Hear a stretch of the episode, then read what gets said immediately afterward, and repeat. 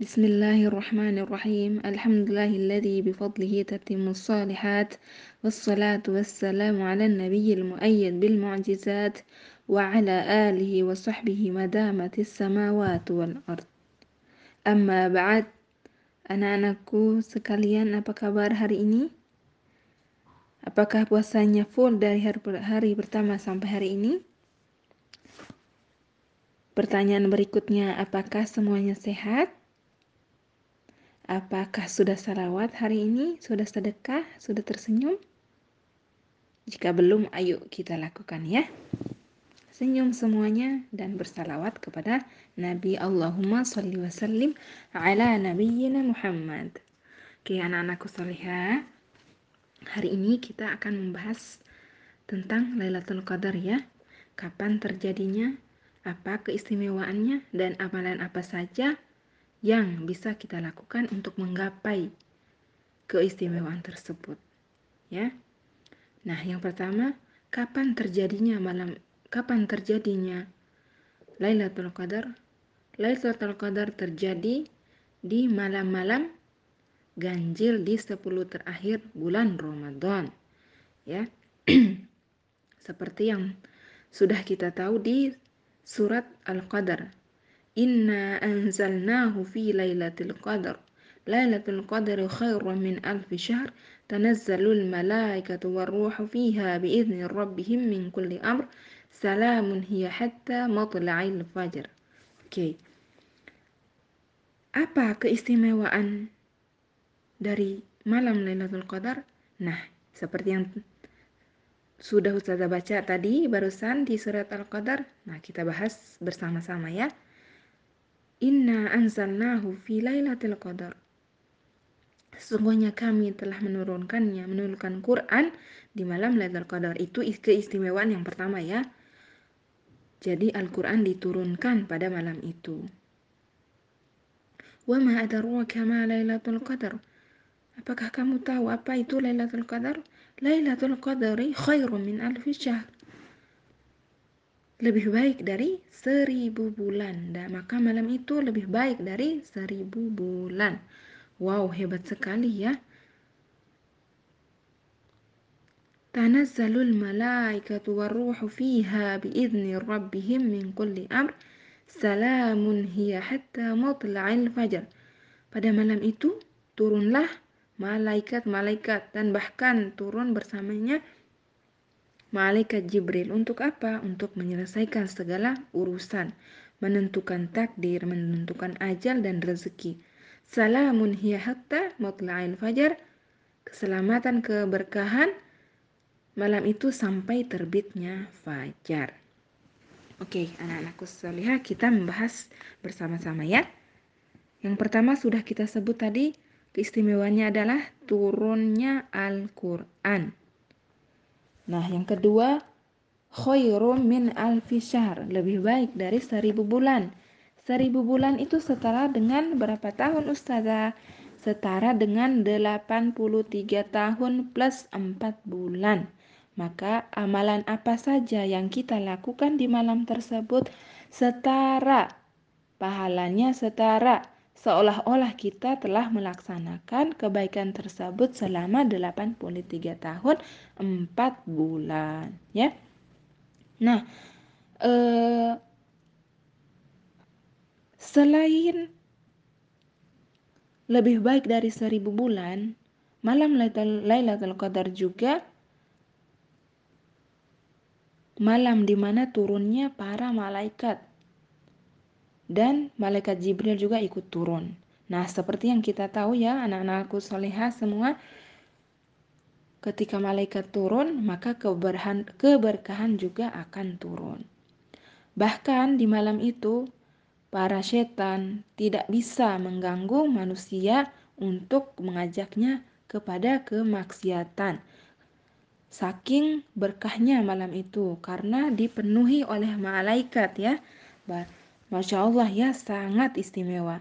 Dan malam itu juga terjadinya penentuan takdir selama setahun ya.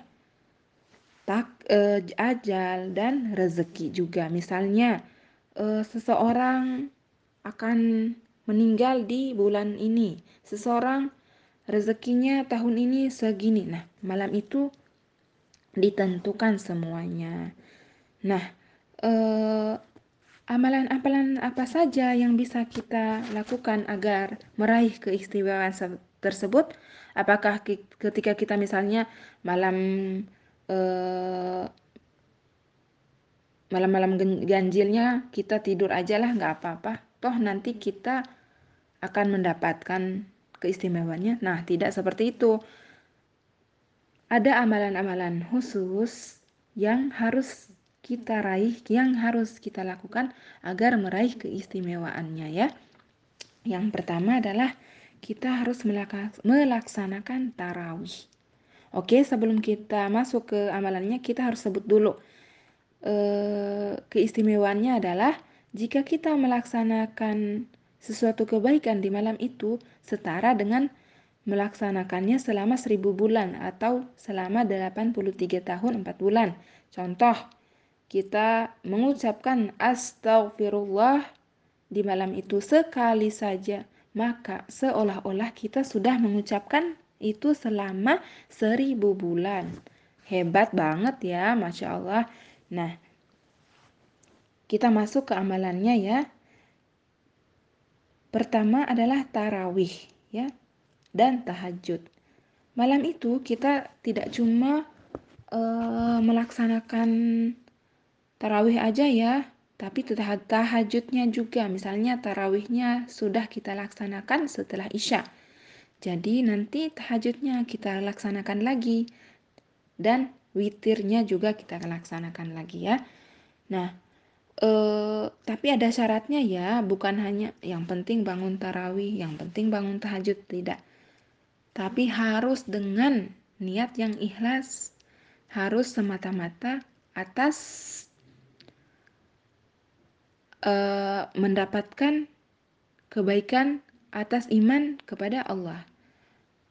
Ada hadisnya yang mengatakan Man qama lailatul qadri imanan wahtisaban gufirolahu ma taqaddama min zambihi. Barang siapa yang bangun di malam Lailatul Qadar dengan iman kepada Allah, kepercayaan kepada Allah dan ihtisaban mengharapkan ridho Allah, mengharapkan pahala dari Allah, maka dihapus pahalanya, eh dihapus dosa-dosanya yang telah lalu. Siapa di sini yang mau dihapus dosanya yang telah lalu? Dosa kepada orang tuanya, kepada gurunya, kepada temannya, dan kepada siapa pun. Itu siapa yang mau? Pasti semuanya ya. Oke, maka kita harus bangun di malam Lailatul Qadar itu. Nah, yang kedua, apa saja, apalagi yang kita bisa lakukan? Sedekah, ya.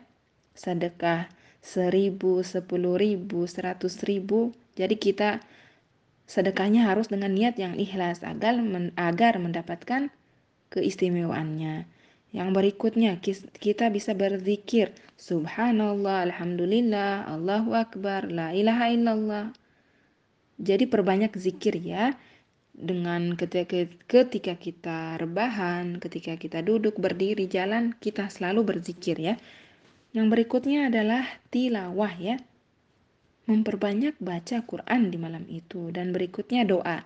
Apa doa yang dianjurkan untuk dibaca di 10 hari terakhir bulan Ramadan? Allahumma innaka afuwun tuhibbul afwa fa'fu anni. Ya Allah, sesungguhnya engkau adalah maha pemaaf, pengampun, menyukai orang-orang yang meminta ampunan orang-orang yang minta maaf kepadamu, maka ampunilah aku, maafkan aku. Nah, nah itu ada beberapa amalan yang bisa kita lakukan di malam itu ya. Tetapi ustazah, kita kan nggak tahu malam apa terjadinya, apakah malam 21, apakah malam 25, 23, 27, 29. Nah, ada hikmah di balik itu. Allah sengaja menyembunyikannya, tidak memberitahu ciri-cirinya di malam hari, agar kita sebagai hambanya berlomba-lomba dalam kebaikan. Ketika kita tahu ciri-cirinya, tanda-tandanya dari malamnya, maka kita akan berlomba-lomba hanya malam itu saja. Tetapi kita ketika Allah menyembunyikannya, maka setiap malamnya di malam 10 terakhir, apalagi di malam ganjilnya, kita selalu melaksanakan kebaikan ya. Kita tidak tidur yang banyak ya, tidurnya sedikit, baca Quran yang banyak, sholatnya yang yang khusyuk, doanya yang dikencangin, sedekahnya yang banyak juga ya. Agar kita mendapatkan keistimewaan itu dan kita juga mendapatkan pahala yang banyak karena telah melakukan kebaikan yang banyak ya. Ustazah, eh, kenapa ya kok bisa gitu eh, kit, malam Lailatul Qadar itu lebih baik dari seribu bulan? Nah, salah satu hikmahnya anak-anakku soleha yang bisa kita petik adalah uh, umat Nabi Muhammad seperti yang kita tahu umurnya hanya sekitar 60 tahun, 70 tahun, yang 80 tahun jarang, yang 90 tahun jarang. Jadi amalan kebaikan kita juga jadinya sedikit ya, hanya sekitar begitu-begitu saja, sekitar 80 tahun, 50 tahun, 60 tahun saja. Sementara pada para nabi zaman dulu mereka mempunyai umur yang sangat panjang sampai 900 tahun ya seperti Nabi Nuh ya. 900 tahun bahkan lebih. Jadi otomatis amalan kebaikan mereka juga akan lebih banyak. Bayangkan bandingkan umur Nabi umat Nabi Muhammad hanya 60-70 tahun. Sementara umur umat Nabi Nuh dan Nabi Nuh sekitar 900 tahun. Mungkin ada di hati hamba Ya Allah berarti amalanku sedikit, gak sebanding dengan amalan umatnya Nabi Nuh.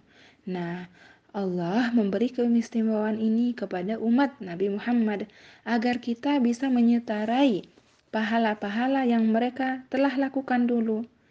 Dahulu mereka melakukan pahala selama itu 900 tahun. Sedangkan di umat Nabi Muhammad Allah memberikan keistimewaan itu. Kita hanya melakukan amalan semalam tetapi mendapatkan pahala keistimewaan yang setara dengan yang mereka lakukan ya. Mereka lakukan selama 900 tahun kebaikan. Kita hanya melakukannya selama semalam, tetapi pahalanya sangat banyak. Pahalanya setara ya. Itulah salah satu hikmahnya. Nah, jika ada hikmah yang lain di balik itu, boleh ya kasih tahu. Boleh kasih tahu ustazah juga apa hikmah di balik uh, Allah memberikan keistimewaan seribu malam itu ya. Selain yang sudah ustazah sebutkan. Nah, jadi anak-anakku soleha setelah kita tahu keistimewaan dari malam Lailatul Qadar dan waktunya kapan, maka yuk nanti insya Allah ya di malam terakhir di bulan Ramadan, 10 terakhir bulan Ramadan, kita berlomba-lomba melaksanakan kebaikan. Jangan hanya di malam ganjilnya, tetapi di seluruh malamnya. Jangan hanya setelah Isya, tetapi dari maghrib sampai subuh. Oke? Okay? Semoga kita semua mendapatkan malam Lailatul Qadar itu dalam keadaan sedang melaksanakan ketaatan kepada Allah, sedang melaksanakan kebaikan, sedang bersujud kepada Allah. Amin ya. Oke, sampai di sini saja ya hari ini. Semoga puasanya full dan semangat. Kita tutup. Alhamdulillahirabbil alamin. Subhanakallahumma wa bihamdika asyhadu an la ilaha illa anta astaghfiruka wa atubu ilaik. Ila liqa. Sampai jumpa. Assalamualaikum warahmatullahi wabarakatuh.